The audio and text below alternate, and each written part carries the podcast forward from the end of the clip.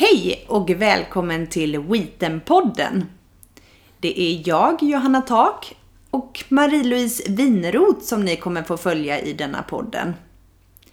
Vi kommer främst att prata om våran ras, Irish Soft Coated Wheaten Terrier, men säkert mycket därtill.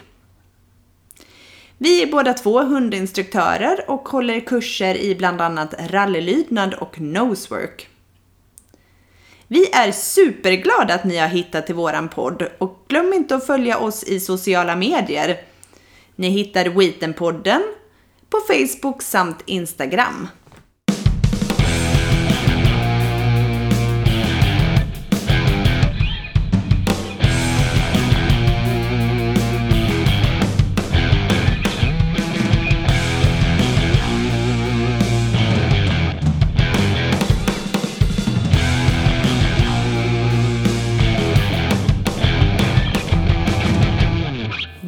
Är vi tillbaka med Wheaten-podden avsnitt nummer två.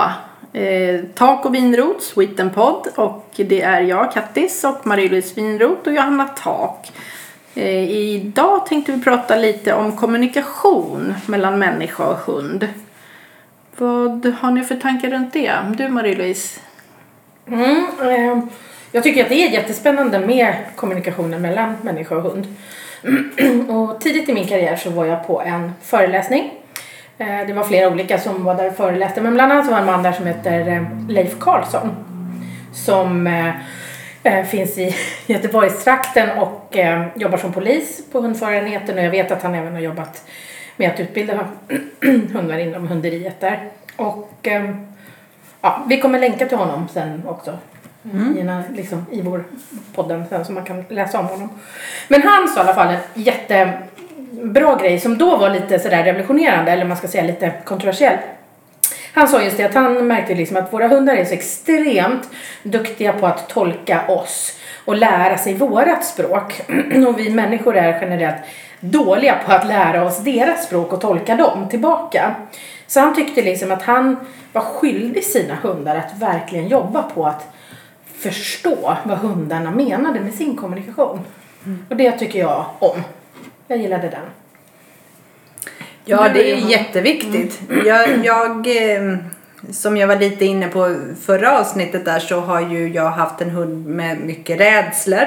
Mm. Och där kommer ju kommunikationen in. Jag har ju hela tiden tränat henne på ett sånt sätt att jag vill att hon ska berätta för mig när hon känner sig obekväm. Så kan jag stötta henne i de situationerna. Så kommunikation är helt klart väldigt spännande ämne. Det första jag tänker på som inte har gått sådana här kurser som ni har gjort med mest med kommunikation att det handlar om typ svans, öron, så här lätta saker att se när hunden visar en signal. Vad, vad tänker ni där? Är det två tydliga saker där. Men det måste ju finnas något mer som ni ser som inte jag ser.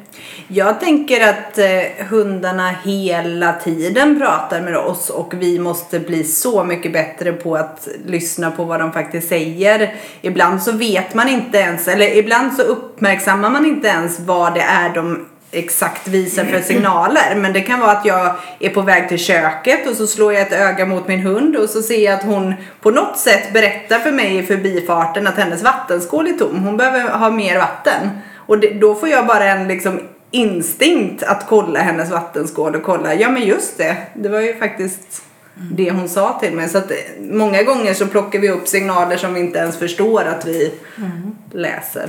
Sen är ju alltså öron och svans och ansiktsuttryck och sådana saker är ju, är ju de liksom tydligaste signalerna. Mm. Men det är också lätt, eh, i alla fall som man gjort tidigare, så har man liksom så nästan klippt ut och sagt att ser svansen ut så här så säger hunden så här. Mm. Men det är inte bara svansen utan det är liksom kombinationen mellan svans, öron, ögon, munnen liksom, och hela kroppshållningen som säger någonting. Att klipper man liksom bara ut en del då, svansen och säger att den viftar, då betyder det här. Då blir, det blir för enkelt och det, då stämmer det inte liksom så. Ja, för ibland kan det faktiskt morra fram och vifta bak. Ja! Och, och det liksom, därför att det också finns ju väldigt olika sätt för hunden att vifta på sin svans. Mm. Eh, och där kommer vi in lite på wheaten som har oftast en ganska högt buren svans. Och då kommer man ju bland annat till det här att en ganska högt, lite hård svans och så viftar liksom toppen alla skallerorm. Det är ju ingen sån här jätte, det är ju en ganska spänd liksom viftning. Den är ju inte så glad och bara livet är toppen utan då är det ju mer lite avvaktande och då tillhör ju liksom, hela hunden är oftast lite spänd i det. Liksom och har en laddad Ja, stämning. men det är lätt för någon som då kanske liksom just tittar och säger ja men den viftar ju på svansen. Ja, men. Liksom, Och där har ju Isse blivit missförstådd så många gånger av folk som inte förstått att hennes svans är inte så trevlig. Utan det, man vill ju ha i så fall den där svajande svansen som Ja, eller lite mer ledig. hysteriska. Vi Ja. har ju Hedvig som liksom viftar hysteriskt på svansen. Den går liksom nästan som en propeller för att man är... Mm. Men då visar ju hon det med hela sitt kroppsspråk också. Mm. Så, så att, Det finns ju till och med hundar som saknar svans som viftar på svansen. ja, de viftar ju oftast på hela, liksom, Hela kroppen. rum- rumpan och hela kroppen. Liksom. Är det här någonting man kan lära in på något sätt med klicker eller nå- något? Just hunden har ju sitt språk men att jag lär mig på något sätt förstå hunden bättre genom att träna den med en klicker eller Många gånger så kan man ju förstärka hundens språk. Eh, vissa hundar som inte har fått utlopp i att använda sitt språk tappar ju faktiskt språket lite.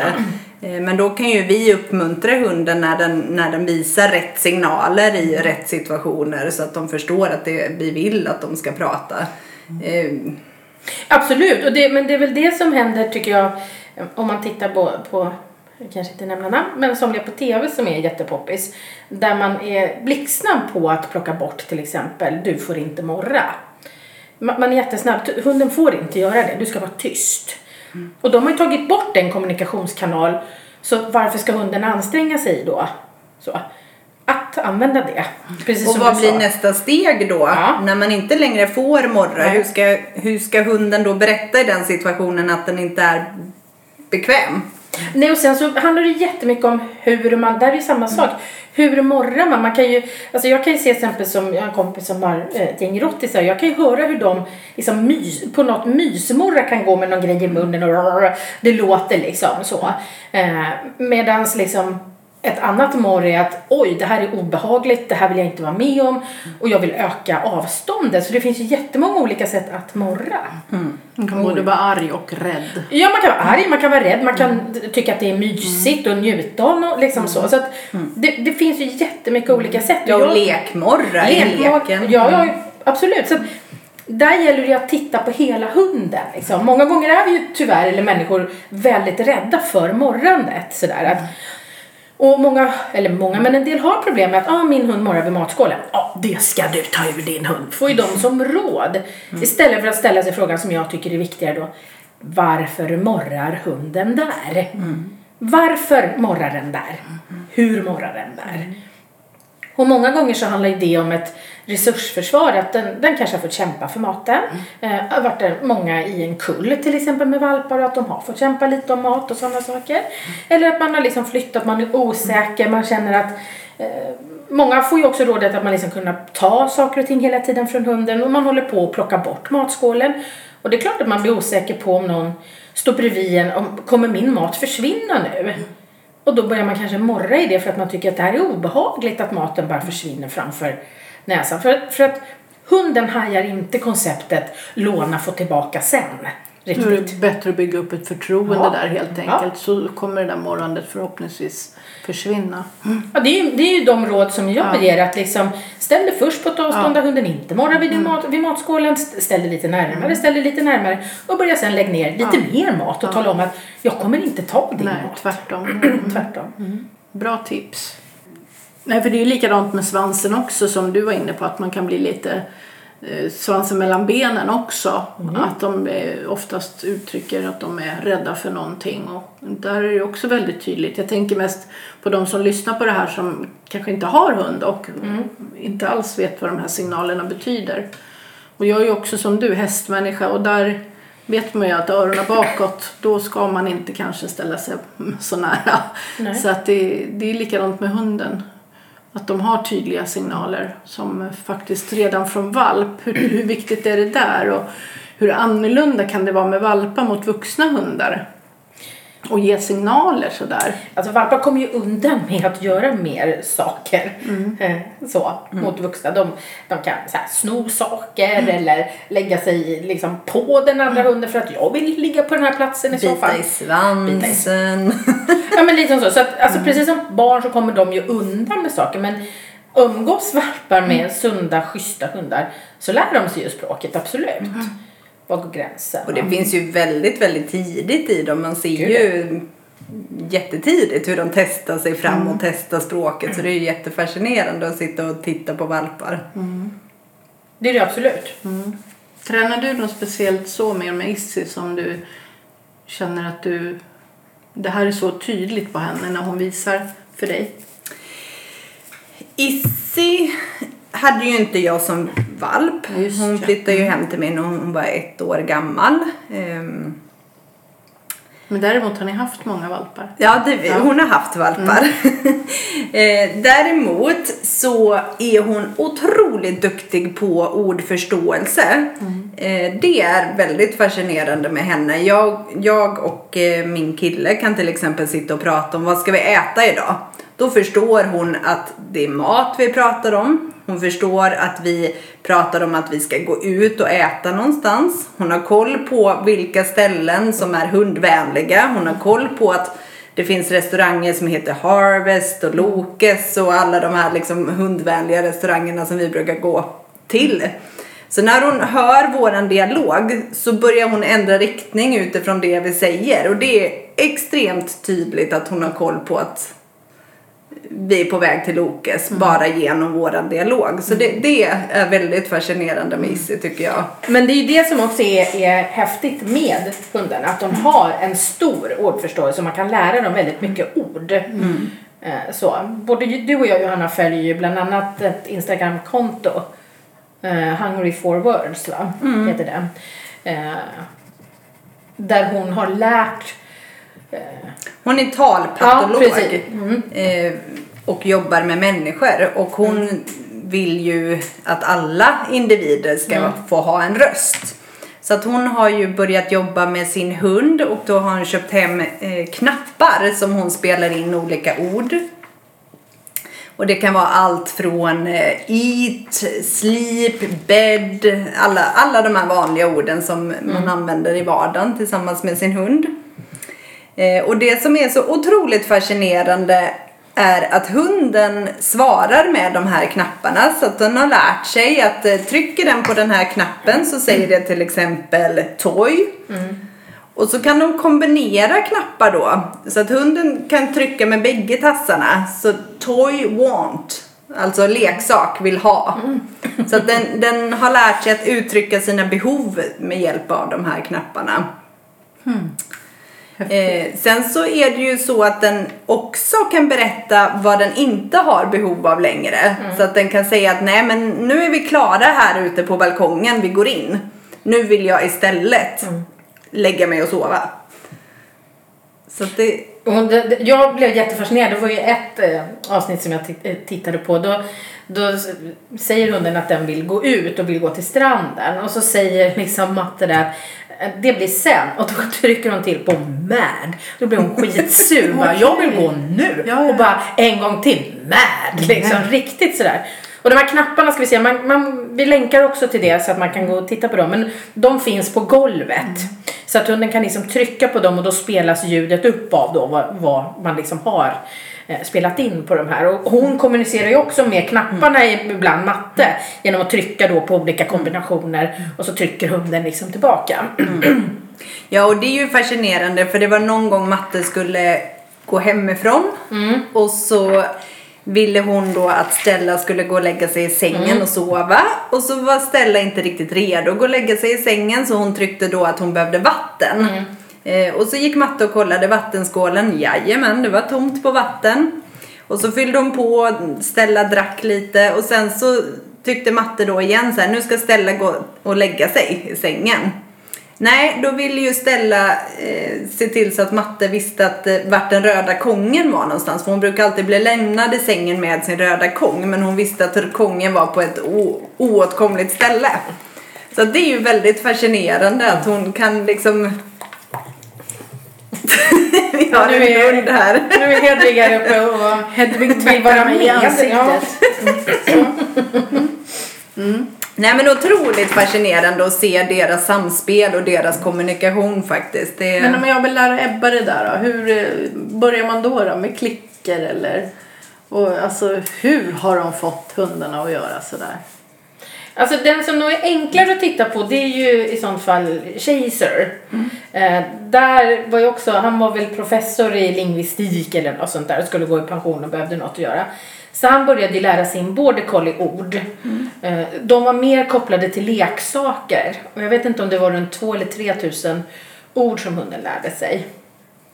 Där kan man också titta, det finns också Youtube-klipp och sånt på den. Men det här är flera år av träning förstår jag.